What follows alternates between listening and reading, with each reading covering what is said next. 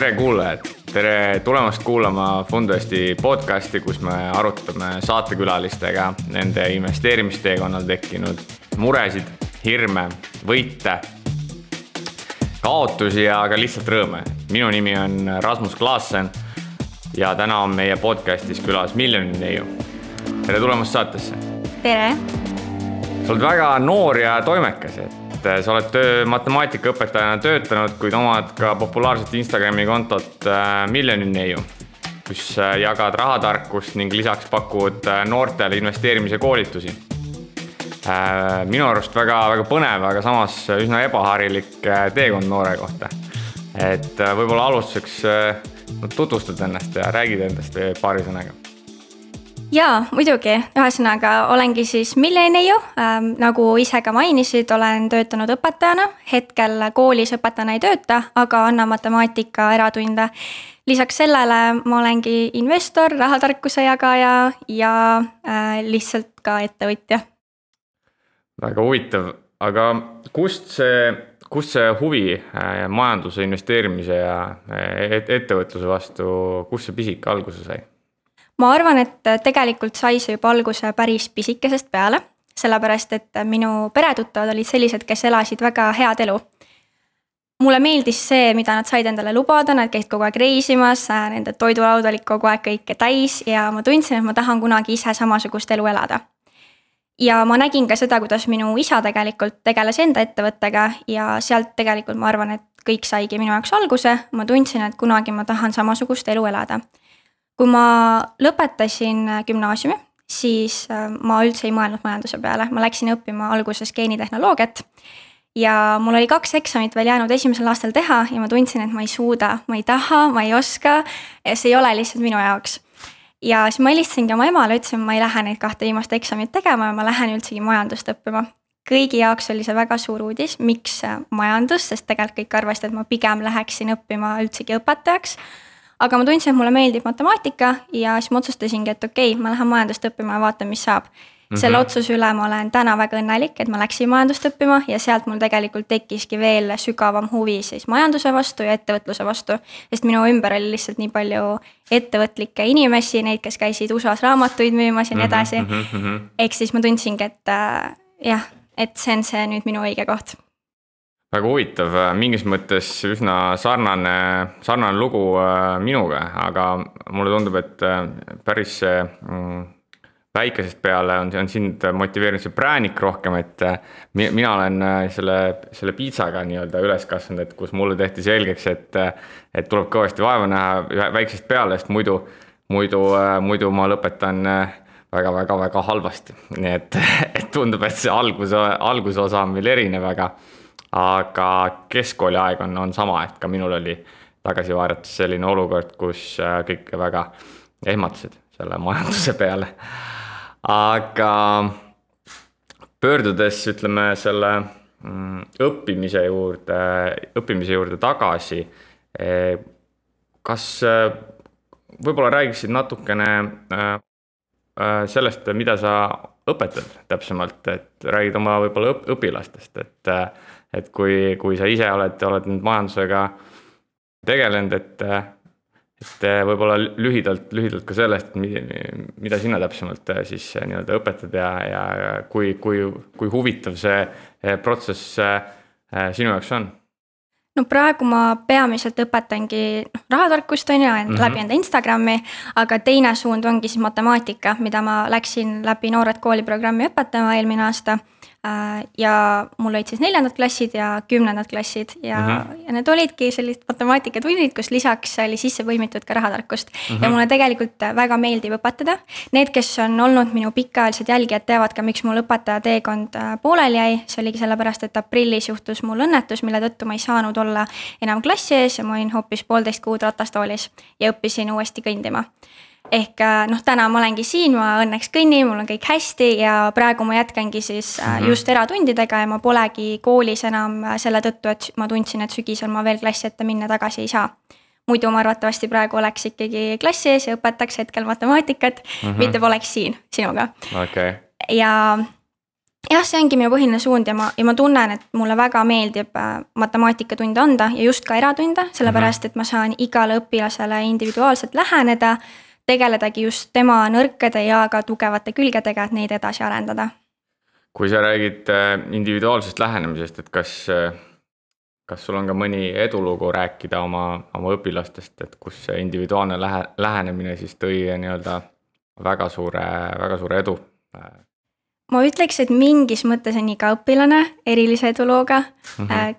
kõik minu õpilased on olnud väga tublid ja, ja nad tõesti tähendavad ka mulle palju.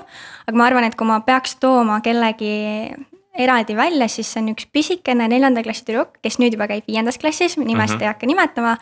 aga ta oli selline õpilane, kes ei tahtnud tegelikult koolis käia, ta ei naeratanud absoluutselt, ta oli mm -hmm. iga matemaatikatund väga kurb mul oli endal nii kahju näha, ma mõtlesin, et äkki mina ise teen midagi valesti. ja siis ma sain aru, et ma pean midagi teistmoodi tegema. noored kooliprogrammis õpetati ka väga palju seda, et tuleb äh, õpilasele lähenedagi nii, nagu ta seda vajab. et kui ta on kurb, äh, kui ta ei taha kaasa teha, siis mingi tema vajadustest on täitmata. ja ma muutsin iseennast, ma rääkisin temaga väga rahulikul toonil äh,, väga pehmel toonil ja mingi hetk ma märkasin, et ta hakkab minuga vastu rääkima mm -hmm, ja ta tuli mm -hmm. ühel päeval kooli ja ütles mulle, näe õpetaja, ma sain endale uued prillid mm. -hmm. ja see hetk ma tundsin, et ma olen nii-nii õnnelik, et ta minuga üldse rääkima tuli ise. Ja peale seda läkski järjest paremaks, ta hakkas tundides kaasa tegema, ta tahtis ise tahvli ette ülesandeid lahendama tulla. ja ma nägin aasta lõpuks, et ta on väga palju arenenud ja, ja sellest tüdrukust, kes neljandat klassi alustas äh,, oli saanud väga tark matemaatik tegelikult neljanda klassi lõpuks mm.? see on äh, tõesti päris, päris, äh, päris huvitav. Äh, kui sa räägid, ütleme matemaatikast ja investeerimisest üleüldiselt, et kui, kui oluline on olla matemaatikas hea ja olla hea investor, et kas sa arvad, et siin on ko mingisugune korrelatsioon? No võib-olla natukene on, aga, aga tegelikult suures plaanis ma ütleks, et ei ole.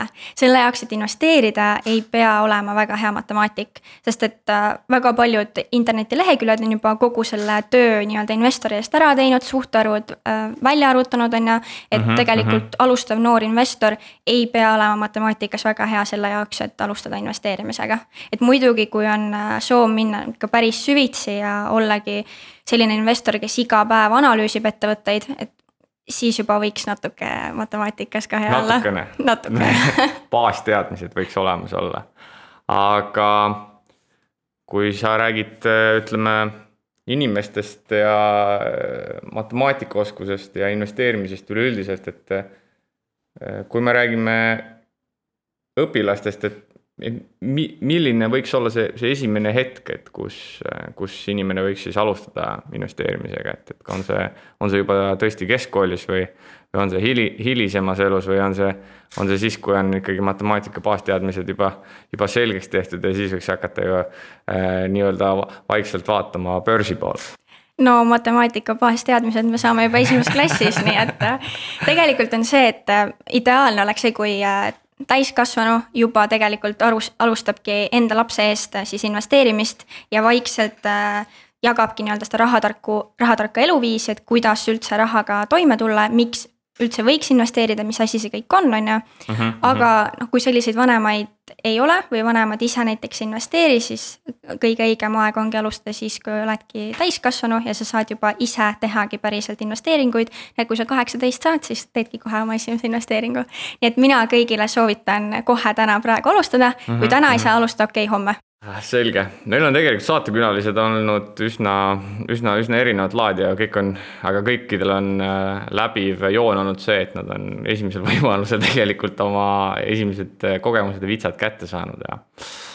ja rääkides võib-olla üleüldiselt äh, investeeringu tulemuslikkusest, siis äh, võib-olla sellisem kohe isiklikum küsimus ka, et, et äh, kuidas äh, sul endal see aasta läinud on, et on see olnud äh, väga kurb või, või kurb? Ma ütleks, et mitte kumbagi ja no muidugi äh, selle õnnetuse pärast ma ei käinud ju tööl, mis tähendab mm -hmm. seda, et ma ei ole nii aktiivselt raha suunanud turgudele, kui ma muidu olen seda teinud okay.. et kuna mul ei ole olnud kindlat sissetulekut, siis jah, mul lähevad küll püsimaksed, aga nagu lisaks ma ei ole midagi nii palju praegu sisse pannud, kui palju ma tegelikult oleksin tahtnud panna, aga noh, see on okei okay., elu praegu on selline, hea küll, järgmine aasta läheb paremini. aga üldiselt muidu jälgijad ka minu käest päris palju küsinud, et kuule, et mis sinu portfell teeb, on ju, et kas see on ka mhm, mhm. miinuses ja kui on, et kui suures miinuses. minu portfell ei ole praegu miinuses, ehk siis noh, ma olen juba pikka aega tegelikult investeerinud, kui see oleks miinuses, siis oleks küsimus, et kas üldse oskad investeerida, minu arvates vähemalt. et mul on küll varaklass, mis on miinuses ja see on ka see varaklass, millest millega ma alles alustasin, ehk siis krüpto ja kuhu mm -hmm. ma olen natukene raha sisse pannud, on ju.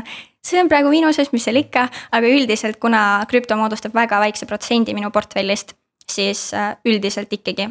aga miks ta nii väikese protsendi moodustab sinu portfellist? sest ma ise veel tunnen, et äh, ma ei tunne seda valdkonda nii hästi, et pannagi sinna suur osa oma portfellist, ehk äh, kui ma olen ise rohkem õppinud siis ma võin ka sinna panna suurema protsendi, aga üldiselt noh, krüpto on nii riskantne mhm. varaklass, et sinna ei ole mõistlik panna suurt protsenti. selge pilt äh,.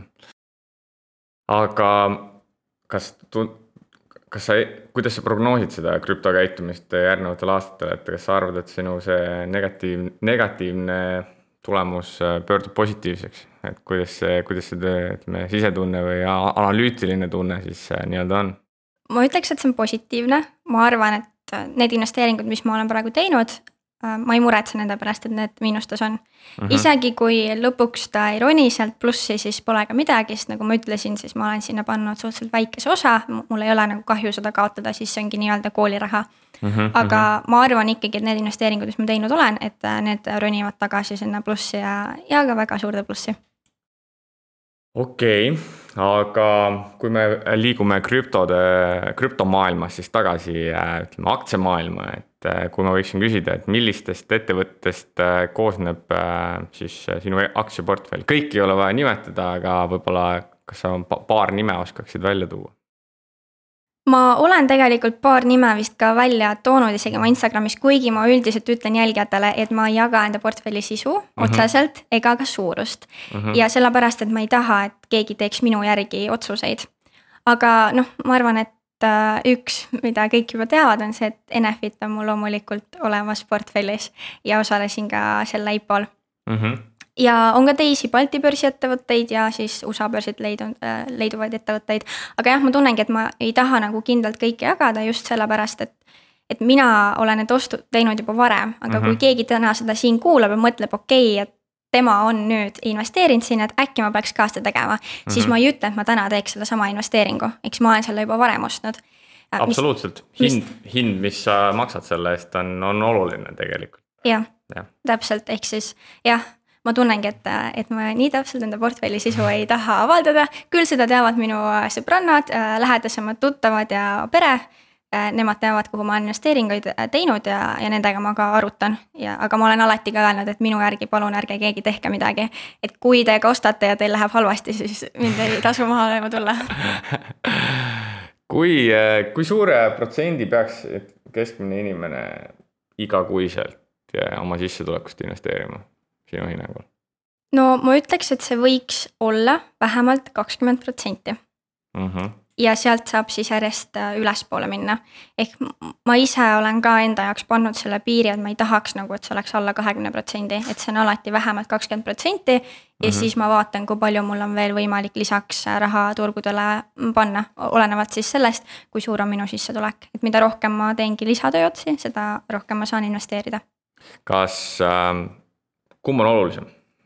Äh, kas äh, igakuiselt äh, panna natukene või siis koguda ja panna siis korraga nii-öelda suurem summa turgudele, kuidas sa soovitaksid sellise väga üldise ja eriti mitte detailsele nõu küsimisele, kuidas sa soovitaksid vastata? no see olenebki väga palju, mis on see väike summa ja mis on see suur summa, on ju, mhm. et kui me räägime näiteks automaatsetest lahendustest, mida noored väga lihtsalt kätte saavad, siis nende puhul ma ütleks, et iga kuu võiks panna kasvõi väikse summa, noh Mhm, mhm. viiskümmend eurot panedki iga kuu, väga hästi, on ju. aga kui sa tahadki minna juba ostma USA börsidelt äh, äh, aktsiaid, siis sellisel juhul noh, viiskümmend eurot, ma ei soo- soovita seda tehingutasud on ju, söövad kogu juba selle tootluse ära. et siis peab ikkagi olema kokku kogutud suurem summa, et sa saaksid osta neid, aga üldiselt pigem, mida ma soovitan, on ikkagi see, et oma oste ajas hajutada ja iga kuu siis panustada raha. mm. -hmm. Um, sa tõid välja, et äh, sul on äh, oma portfellis Ameerika Ühendriikide aktsiaid ja Balti äh, börsil noteeritud aktsiaid. kas sa vaatad ka Kesk-Euroopa või Lõuna-Euroopa või, või Lääne-Euroopa aktsiaturgude poole ja, ja kas seal võiks olla midagi huvitavat või on, on seal olnud midagi huvipakkuvat sinu jaoks? ma olen mõelnud nendele turgudele, turgudele ka siseneda, aga ma ei ole seda veel hetkel teinud. Äh, ja just noh, mul tegelikult oligi, mul olid väga suured eesmärgid endale selleks aastaks mm. -hmm. Millega ma tahan tegeleda, aga noh, ma ei olegi suutnud neid nagu täita nii, nagu ma oleks tahtnud. ehk siis praegu ma olen ikkagi jäänud just äh, Balti börsile ja USA börsile äh, Mhm. aktsiate osas. see on väga huvitav, sellepärast et mina alustasin tegelikult üldse Põhjamaade aktsiatega ja ma sinna Balti börsile jõudsin kõige viimasena, et ma käi- käisin, kolistasin ikkagi need Põhjamaade turud ja Lääne, Kesk-Euroopa ja Lõuna-Euroopa turud läbi ja siis ka üht-teist Ameerikast. Et äh, see on selline mm, täitsa omapärane, kuigi ma tean, et tavaliselt soovitatakse just äh, alustada siit enda lähedalt äh, ja vaadata, mis mis Balti börsidel nii-öelda toimub. ma arvan lihtsalt, et see on lihtsam alustavale investorile. Et äh, noh, öeldakse ka, et, et kui sa ostad nagu ettevõtet, millest sa tead ka rohkem, siis see on ju parem. Ja tegelikult üldiselt meie siin, kes me Eestis elame, teame par- äh,, rohkem ju Balti börsi ettevõtete kohta, ehk siis ma arvan, et see nagu kindlustunne on ka lihtsalt äh, natukene suurem. Ja just alustamisel, et ei taha ju midagi valesti teha. Muidugi ja me oleme, ma arvan ka ütleme, Eest-, eestlastena palju paremini kursis äh, nende börsiettevõtete käekäiguga võrreldes näiteks sellega, mida teeb äh, äh, mõni Kesk-Euroopa või Lääne-Euroopa ettevõte. aga kuidas ja milliste vahenditega üleüldiselt võiksid sa soovitada noortel alustada oma rahatarkuse teekonda, et, et kas, kas on need raamatud või on see, on see mingi sotsiaalmeedia või, või, või kuidas, kuidas, kui sa saaksid öelda, et kuidas, kuidas seda teha, et kust, kust see algus võiks olla? no kindlasti see oleks naljakas, kui ma ei mainiks enda miljoni Instagrami kontot. ehk siis see on üks asi, aga tegelikult jah, ma soovitan alustada raamatutest, ehk siis teha endale selgeks kõigepealt need baasteadmised, üldse mõtestada, mis on rahatarkus ja investeerimine nagu kellegi jaoks ja mis on see miks, miks ta tahab investeerida. et mitte sellepärast, et kõik ütlevad, et peaks investeerima, vaid sellepärast, et ongi enda sees mingi kindel põhjus, miks üldse oleks mõistlik investeerimisega alustada. minu puhul näiteks ongi see reisimine, et ma Mhm. tean, mulle väga meeldib reisida ja ma tahan Mhm. seda teha, ehk siis ma näen, et investeerimine tagab mulle selle nagu eluviisi, mida ma soovin. Ehk siis jah, kõigepealt äh, raamatuid ja teha endale selgeks, miks üldse investeerida ja sealt äh, edasi panna, vaadata üle, mis on üldse kulud-tulud, kui palju on võimalik säästa, on ju. ma tean, et see tundub võib-olla nii leierdatud jutt juba, aga tegelikult see on päriselt nii, et tulebki vaadata ju, mis, mis on väljaminekud, mis on sissetulekud ja vastavalt sellele leida need kohad, kust oleks võimalik säästa sealt edasi juba otsidagi lisatööotsi, et kui näed, et ei olegi võimalik väga kuskilt äh, säästa, ikkagi oleks seda sissetulekut, mida saaks ka siis investeerida mm. -hmm. ja sealt edasi mina soovitaks isiklikult äh, vaadata automaatsete lahenduste poole, mida meil Eesti pangad näiteks ka pakuvad. ja ka mõned äh, Ootale. startup'id näiteks, Fundvest varsti ja äh, kusjuures ma olen äh, sinuga väga nõus, et äh, tegelikult need raamatud on, on just see koht, kust ka, kust ka mina alustasin ja, ja võib-olla üks asi, mida, mis ei ole, ma arvan, leierdatud, aga mida me võiksime äh, korraks arutada, on, on see, et äh, kui me räägime majandus- ja rahandusharidusest üleüldiselt, siis min, minu arust vähemalt äh, õpp, õppeainetes õpetatu ja ainekavades sisalduv materjal võrreldes näiteks investeerimisteemadel kirjutatud raamatutega, et need on üsna erinevad, et akadeemiline nii-öelda rahandus versus praktiline investeerimine, et need on tegelikult, seisavad, tunduvad justkui eriala kaugele inimesele sarnased, aga tegelikult on need üsna, üsna erinevad asjad. et äh, mulle endale väga, väga meeldib see, kui, kui inimesed, kes on mujalt äh, sfääridest või skeenedest äh, kui, kui rahandusest, et äh, liiguvad nii-öelda investeerimismaailma, et, et mulle tundub, et, et see kindlasti rikastab nagu kogu seda, seda atmosfääri ja, ja, ja see kindlasti toob ka äh, väga palju nii-öelda uut raha ja uut kapitali. kui ma võiksin küsida, milline oli su enda äh, tehtud viimane investeering? Kas see oli see automaatne igakuine investeering, et ei ole rohkem börsidele raha pannud või kuidas see olukord on? mul on noh, praegu jah, viimane investeering oligi see, mis mul lihtsalt läks automaatselt, et mu sissetulek on jaotatud tegelikult neljaks, ehk siis mul lähebki raha investeerimiskontole, kust ma siis äh, noh, valingi üksikaktsiaid on ju, siis mul lähebki LHV kasvukontole endiselt see, mis ma ka avasin, kui ma investeerimisega alustasin mm. -hmm. siis mul lähebki kolmandasse sambasse automaatselt raha ja siis mul läheb ka eraldi enda nii-öelda meelerahufondi, mis on slaš äh, reisifond nii et äh, jah, ehk siis äh, äh, ma ütleks jah, et viimane investeering oligi tegelikult äh, ka siis LHV kasvukontole. okei okay. uh,. Kas sul on äh, tehtud ka see pensioni investeerimiskonto, see pikk nii-öelda või sul istub raha rõõmsalt teises, teises sambas veel? minul on rõõmsalt raha teises sambas, sest et ma hakkasin sinna koguma ja ja ma, ma olen äh, rahul selle lahendusega, ehk siis mul ongi teine ja kolmas sammas ja ma ei ole eraldi midagi teinud. selge. milline on kõige edukam investeering, kas äh, seesama kasvukonto praegu ei, kasvukonto kohta ma ei ütleks seda, sest et seal ongi, noh, mul on raha ju fondides lihtsalt mm, -hmm. et äh, ta on hea koht, kuhu raha panna, ma olen rahul väga selle tootlusega, mis mul seal on. aga ma arvan, et kõige edukamad investeeringud ongi olnud just üksikaktsiatesse ja ühe, mille ma saangi välja tuua, mida ma enne ka mainisin, ongi näiteks Enefit, et kui ma osalesin seal IPO-l, siis ma müüsin ka mingi hetk selle Enefiti maha, ma ostsin mm -hmm. ta muidugi mhm. tagasi, ta on uuesti mu portfellis. aga see oli näiteks üks aktsia, millega ma teenisin korraliku kasumi. okei okay., see on, see on tõesti päris, päris huvitav eks me vist kõik Eestis oleme selle Enefitiga päris, päris hästi teeninud ja sealhulgas ka mina. et see ei ole, ei ole mitte, mitte halb äh,, halb äh, toimetamine. aga kui me räägime läbikukkumistest, et alati on rõõmus on rääkida nendest äh, positiivsetest uudistest ja see on asi, mille üle saab nagu uhke olla, aga, aga milline on kõige suurem läbikukkumine olnud sul investeerimisel?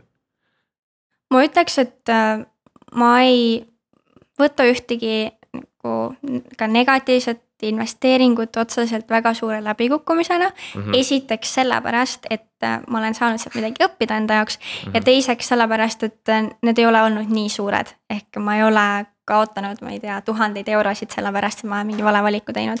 aga võib-olla, mis oli kõige suurem läbikukkumine minu enda jaoks oli see, et kui ma LHV kasvukonto avasin, siis ma olin lugenud väga palju erinevaid raamatuid ja raamatutes oli kirjas, et kindlasti võiks mingi osa olla ka võlakirjades mm. -hmm. Ja siis ma mõtlesin, et okei okay,, ma pean seda tegema, sest et raamatutes on niimoodi kirjas. selle võlakirjade ja... asi, minu arust see on, see on läbiv teema olnud ka akadeemilises äh, rahanduses, kus kogu aeg tuuakse välja seda portfelli teooriat ja, ja, ja. hästi tähtis, et peab võlakirjades olema, et see on sihuke nii, nii sürr tegelikult. Äh, aga jätka. ja ühesõnaga ma, mul, ma siis ma mõtlesingi, et okei okay,, et peab olema võlakirjades ja ma valisin endale kasvukontole ka ühe võlakirjafondi mm. -hmm. Siis ma nägin, et tegelikult see ei liigu väga üldse, miks ma sinna üldse oma raha panin ja ikka iga kuu ma suunasin sinna raha edasi ja mõtlesin, et okei okay,, et kui ta mingi hetk nagu plussis on, et ma müün ta maha siis, et mm -hmm. kasvõi noh, et ta mul vähemalt nullis on ja kui ma arvestan tehingutasusid ka mm. -hmm Õnneks äh, ma tutvusin siis dividendinvestor Märten Kressiga mm, -hmm. kes on nüüd siis minu mentor, kes õpetabki mind, nii et ma saaks teisi edasi õpetada. ja tema ütles mulle, et kuule, nagu mõtle nüüd selle peale, et okei okay,, et sa müüd selle kahjumiga maha. Aga samas sul vabaneb see raha ja sa saad selle suunata päriselt kasumlikud, kasumlikesse investeeringutesse.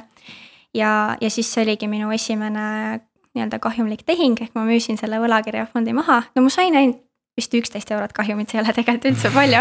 aga see, et mulle ei meeldinud tõdeda, et ma tegin nii-öelda nagu vale valiku. aga ma müüsin selle maha ja suunasin enda raha siis äh, uude fondi. ja nüüd ma saangi öelda, et ma olen selle tootlikkusega rahul mm. -hmm jah, mul endal on olnud äh, sarnaseid olukordi, et kus on äh, kapitali on läinud vaja ja, ja seda on siis suunatud kasumlikesse, kasumlikematesse projektidesse ja siis on see nii-öelda loss või, või väike miinus sisse võetud. aga kui me räägime üleüldse sellistest äh, kapitali allokeerimise otsustest ja investeerimisest, siis investeerimine tegelikult on pikaajaline ja selline kauplemine ja kapitali suunamine ühele teisele poole kiiresti on, on rohkem selline lühiajaline. ja kauplemine, et eh, kas sa kaupled või sa investeerid, et kuidas sa ise hindad seda? ma pigem ütleks, et ma investeerin, ma teen ka vahepeal nii-öelda neid kauplemisotsuseid, aga üldiselt ma ikkagi investeerin.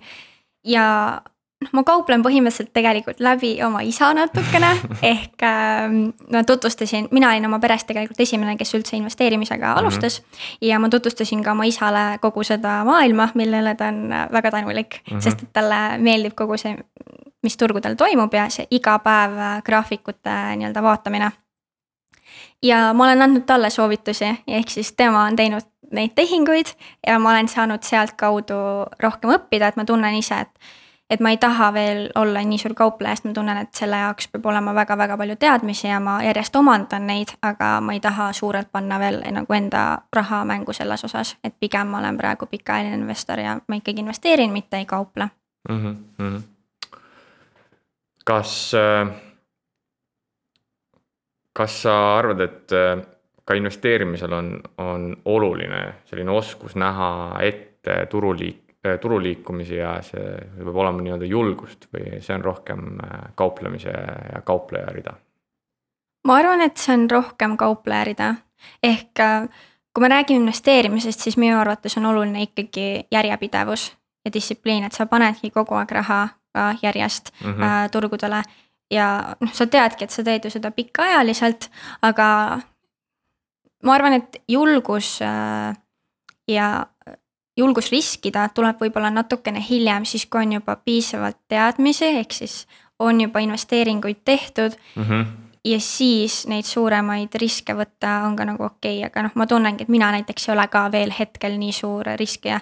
just sellepärast, et, et ma tahan, et mul oleks rohkem teadmisi selle jaoks äh, eelmisel nädalal meil oli Fundvesti äpi nii-öelda testlansseerimine Leedus ja siis meil oli seal paneeldiskussioon ja mul oli tõsiselt tore, et minust äh, paarkümmend aastat äh, vanem äh, nii-öelda Leedu rahanduse raudvara ütles, et tema ei oska kaubelda ja tema ikkagi investeerib ja.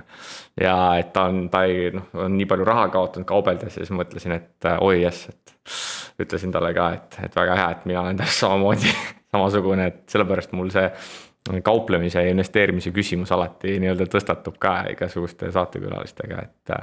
et mind, mind ennast see teema väga paelub ja aga see ongi okei okay,, ei peagi oskama kaubelda, et no kõik ei oskagi ja see ongi tegelikult väga raske, ehk äh, turu ajastamine üldse nagu, no see ongi keeruline on. ja seda tuleb tegelikult väga põhjalikult õppida ja kui tahtagi kaubelda, siis peab selles teemas väga sees olema ja kõigile see ei sobi ja see ongi okei okay see on, äh, seda on väga värskendav taaskord kuulda ja see on palsam minu äh, kaotatud eurodele ja palsam mu hingele, et äh,. aga räägime sinu Instagrami äh, kontost äh, ka. seal sa räägid väga palju eelarve pidamisest ja võib-olla Fundvesti äh, saatekülalistele, et räägi, kuidas sinu eelarve siis üles on ehitatud ja kui tihti juhtub, et, et äh, sa hiilid sellest nii-öelda kõrvale ma alustasin tegelikult juba päris pisikesena, saa öelda pisikesena, ma arvan, et ma olingi neliteist, kui ma läksin ise esimest korda tööle, siis ma hakkasin panema kirja enda kulusid ja tulusid, aga siis mm -hmm. ma ei mhm. pidanud veel eelarvet. ma mm -hmm. lihtsalt panin kirja, et näha, kuhu mul see raha läheb. ja mulle meeldis raha, noh kõigile meeldib, on ju, kellele ei meeldiks. muidugi, ka, ka minule. ja, ja siis ma tegingi, ma tegin päris palju tööd, mul oli vahepeal lausa isegi kaks-kolm töökohta. ja, ja ma tahtsingi näha, kuidas ma saan enda raha kõrvale panna, et kui ma näen, et minu väljaminekud on väiksemad, on ju, kui äh, sissetulekud, siis ma saingi kogu aeg raha kõrvale panna millegi jaoks ja sealt ma liikusin üks hetk lõpuks edasi siis sellele, et ma hakkasin päriselt pidama nii-öelda eelarvet, ehk siis ma panin endale piirid, kui palju ma võin millegi peale raha kulutada. ja alguses ma tegin seda lihtsalt Excelis, ma võtsingi Excelis oleva template'i endale äh, ja paningi sinna siis enda andmed ja mm -hmm. nägin siis, palju mul jääb üle säästudeks. ja mingi hetk ma tüdinesin sellest template'ist ära, ma leidsin internetist ühe palju ilusama ja siis ma mõtlesin, ma võiks ju teha iseendale. aga ma, ma ei viitsinud. see template maksis ainult kolm eurot ja ma mõtlesin, et okei okay,, ma võin selle kolm eurot kulutada ja siis ma ei pea ise hakkama sellega nii-öelda möllama. ja siis, ja see template on mul siis nüüd siiamaani alles. Ja seal mul on kaksteist erinevat kategooriat mul on ära jaotatud siis nagu kulutused, kuhu mul läheb mm. -hmm.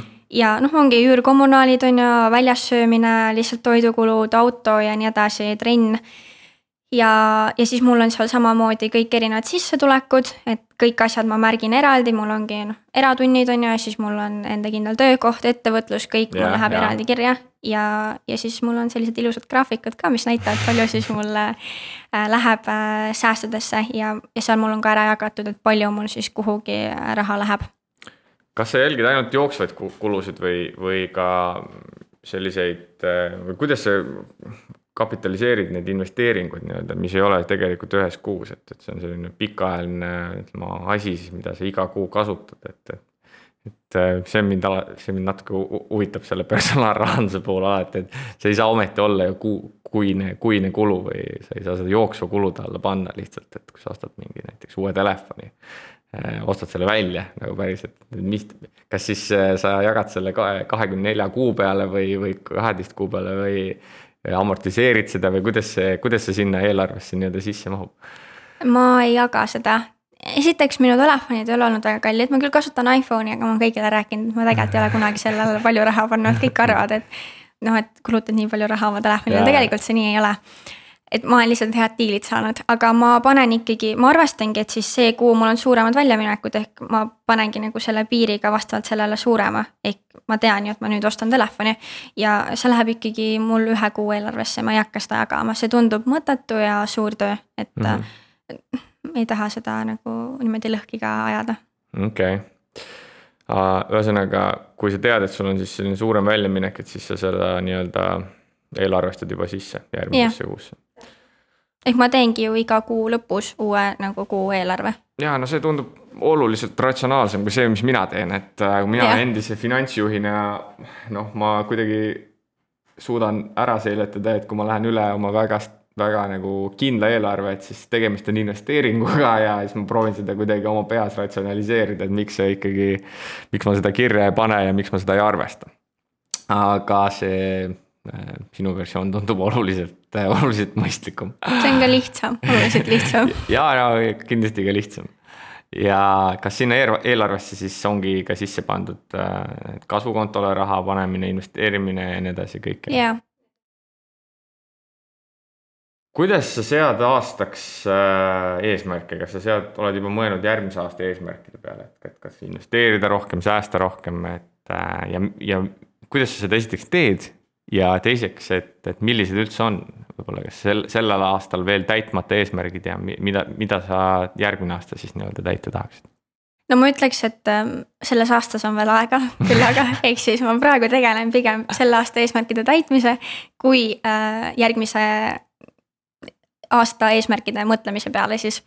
ehk äh, jah, mul kindlasti on peas nagu mingid mõtted juba, mida ma tahaks järgmine aasta teha paremini just sellepärast, et ma see aasta ei ole saanud teha, aga, aga mul, ma ei ole kindlaid eesmärke veel seadnud. noh, minu, minu eesmärkides ei ole ainult kõik investeerimisega seotud, vaid seal on ka muud asjad, noh näiteks raamatute lugemine on ju, et ma tahangi lugeda aastas kaksteist raamatut vähemalt, see tähendab iga kuu üks raamat vähemalt. ja sellega ma olen ka ilusasti järje peal, sest ma sain kodus olla raamatuid lugeda. kas sa oled juba kaksteist läbi lugenud? veel ei ole kaksteist läbi lugenud. aga üheksa siis praeguse hetkeseisuga? tegelikult on kümme. kümme, sa oled eh, nii-öelda eelarvest ees. jah, ja, ja mul on noh, näiteks kindlasti mul oli ka eesmärk, kui palju ma tahan enda portfelli kasvatada, ma peangi endale tõdema, et okei okay,, ma praegu ei suutnud seda nii palju teha, aga ma sean endale järgmiseks aastaks jällegi nagu uued eesmärgid. et ma kindlasti panen endale kogu aeg eesmärgid kirja ja kui ma panen ka aastaks eesmärgid kirja, siis mul on olnud sellised, sellises kohas, et ma kogu aeg näeksin neid. ja sealt ma edasi jagan need kuu eesmärkideks, et kui mul ongi muidu noh, näiteks see raamatute eesmärk on ju, et ma tahan mhm, kaksteist mm -hmm. raamatut lugeda aastas, see tähendab üks raamat kuus ja siis ma jagan ka endale ära, et kui palju ma peaksin päevas raamatuid lugema ja ma panen selle nii-öelda pisikeseks eesmärgiks mm. -hmm. ehk äh, jah, mul on kõik nagu suured eesmärgid jaotatud ka väiksemateks ja ma ütleks, et üldiselt ikkagi mul läheb see aasta ka eesmärkide täitmisega hästi, lihtsalt on mõned eesmärgid, mida ma ei suuda täita, aga ma olengi enda jaoks nagu nii-öelda leppinud selle olukordaga, et okei okay,, praegu on nii. Järgmine aasta olen tublim kas portfelli tootlust sinu hinnangul on üldse võimalik e nii-öelda eesmärgistada, eelarvestada või siis äh, nii-öelda eesmärki täita siis, et see tundub ju, et natukene seal on teatud selline äh, juhuslikkus, randomness, et äh,, et äh.... ja ma ütleks, et mina ei ole kunagi pannud enda eesmärkidesse portfelli tootlust, sest mm -hmm. et no see ongi väga keeruline, ma ju ei tea täpselt, mis turud teevad. ehk äh, kui ma oleks pannud endale ka mingi portfelli tootluse eesmärgi on ju, siis noh, aga see on ju küm-, aga keskmiselt on kümme protsenti ja ikkagi aastas on ju eh, SMP suutnud ju tuua, ütleme viimaste. jaa, aga, aga ma ei näe, miks ma tekitan endale stressi, ma ei taha, sa võid teha seda, kui sa tahad, mina ei taha. ehk siis äh, ma panen lihtsalt, et kui palju ma tahan, et minu portfell kasvaks, on ju. Kui tootlus on väiksem, see tähendab, et ma pean ise raha rohkem sisse panema. Ja nii ongi. aga tootluse eesmärke ma ausalt ei ole pannud okay.. ma tunnen, et see on lihtsalt minu enda jaoks stressi tekitav ja eesmärgid peaksid olema ikkagi pigem motiveerivad. jah, mina, mina seda teen kahjuks, et see on olnud mõnel aastal väga-väga hea on aasta lõpus olla, aga mõnikord on ka väga. noh, kurb, ütleme siis äh,. kümme raamatut. Äh, milline nendest siis kõige parem oli sellel aastal, mida sa soovitaksid äh, podcast'i kuulajale? ma ütleks, et äh, üks raamat, mida ma nüüd juba lugesin tegelikult teist korda, on Kella viie klubi, mida ma tõesti väga soovitan, see ei ole otseselt seotud investeerimisega, on ju. Mhm, aga mm -hmm. see on minu päevad muutnud oluliselt äh, produktiivsemaks, mul olidki mingi aeg ajad, kui ma ärkasingi kell viis, kui ma käisin konkreetselt nagu palgatööl mm. -hmm ja ma tundsingi, et ma saingi jõusaalis näiteks käia ära enne enda õpetaja tööpäeva, sest et mm -hmm. peale tööpäeva ma lihtsalt ei suutnud ennast motiveerida, et äh, diivanilt tõusta ja minna trenni, sest et mm -hmm. ma olin mhm. nii väsinud. ehk ma ütleks, et kella viie klubi on väga palju minu elu muutnud ja, ja samuti ongi noh, Jaak Roosaare raamatud on ju, ma ei saa mm -hmm. nendest üle ega ümber, sest et äh, minu jaoks sellest kõik alguse saigi mm. -hmm. muidugi ma olin lugenud enne ka Rikas isa, vaene isa, mida mm, -hmm. millest väga palju räägitakse, ega soovitatakse. ma ütleks, et ta on okei okay, mm. -hmm. aga ma ei saa aru nagu sellest nii suurest vaimustusest, aga jah. ja, ja muidugi nendele, kes tahavad päriselt nüüd alustadagi investeerimisega, siis ikkagi, kuidas alustada investeerimisega, Kristi Saare raamat on minu arvates väga hea mm. -hmm. mina ise lugesin seda siis, kui ma olin juba investeerimisega alustanud ja mul oli rohkem teadmisi. ehk siis mina tundsingi, et minu jaoks on nagu noh, väga lihtne lugemine, sest et mul olid need teadmised juba olemas. aga inimestele, kes ei tea veel üldse investeerimisest midagi, on see raamat väga hea mm. -hmm ma olen ka viimasel ajal täheldanud, et väga palju äh, raamatuid on kirjutatud kas eesti keeles või siis tõlgitud nii-öelda eesti keelde, et, et see valik on läinud äh, oluliselt, oluliselt laiemaks, ma mäletan seitse aastat tagasi läksin raamatupoodi, siis seal oli võib-olla Benjamin Grahami Intelligent Investor oli, mis mis oli inglise keeles ja seda, see mina, minu, minu teekond tegelikult äh, sai, äh, sai sealt, äh, sai sealt alguse, aga, aga see on hea, et, et meil on järjest rohkem eesti, eestikeelset kirjandust just, just investeerimisteemadele ja see järjest kasvab ja kasvab ja kasvab. ma, si ma ütleks tegelikult, et see sinu esimene raamat, kust alguse sai, see on päris keeruline lugemine alustuseks. et ma arvan, et mõned, kes võtavad selle esimeseks raamatuks, võivad ära ehmatada, et nad ei, nad ei julgegi alustada, sest kõik tundub nii keeruline äh,. jah, see ma isegi ütleks, et äh, see, see, see tõesti esimeseks raamatuks ei kõlba, et seal on ikkagi vaja natuke sellist majandusbaasi, et ei, ei piisa ainult äh, baasteadmistest matemaatikast, et selline asi, selline baasteadmised võib-olla majandusest äh, oleks, oleks hädavajalikud isegi, et, et, et, et ma ise olen seda luge-, lugenud ka päris mitu korda ja see, mis on esimene kord lugedes versus, versus praegu.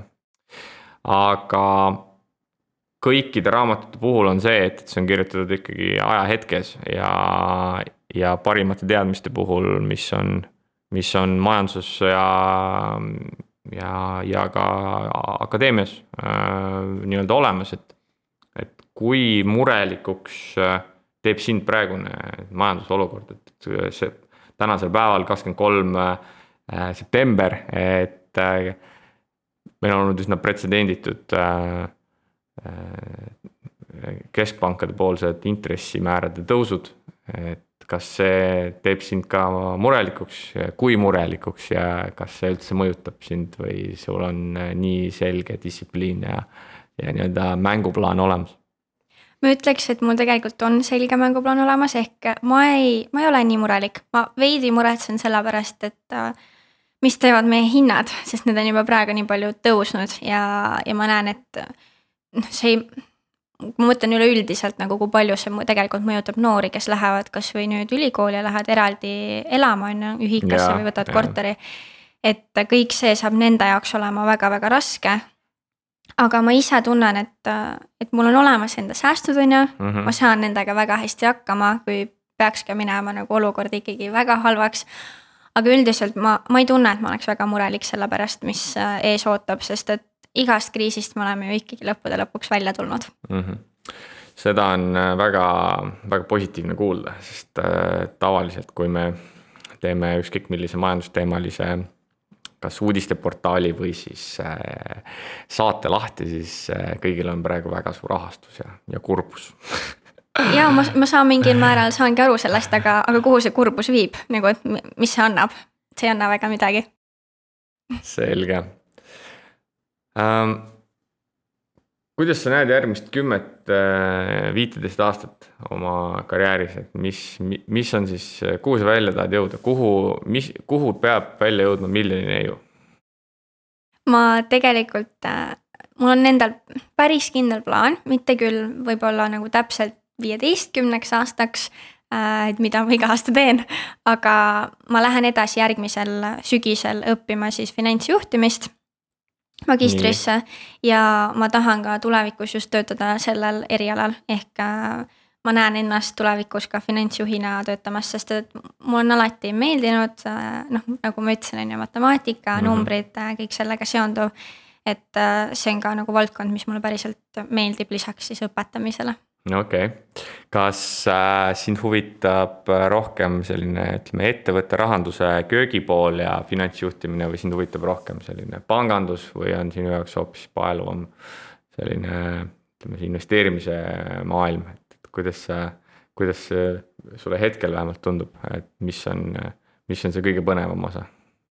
ma ütleks, et äh, pigem ettevõte rahandus ja kogu see, et, et ma näengi. noh, ma olen mõelnud ka selle panganduse poole on ju, ma tunnen, et võib-olla siin minu puhul on ka veidi see, et, et ma pean nagu katsetama, on ju, mis minu jaoks mm Mhm. -hmm. rohkem äh, toimib.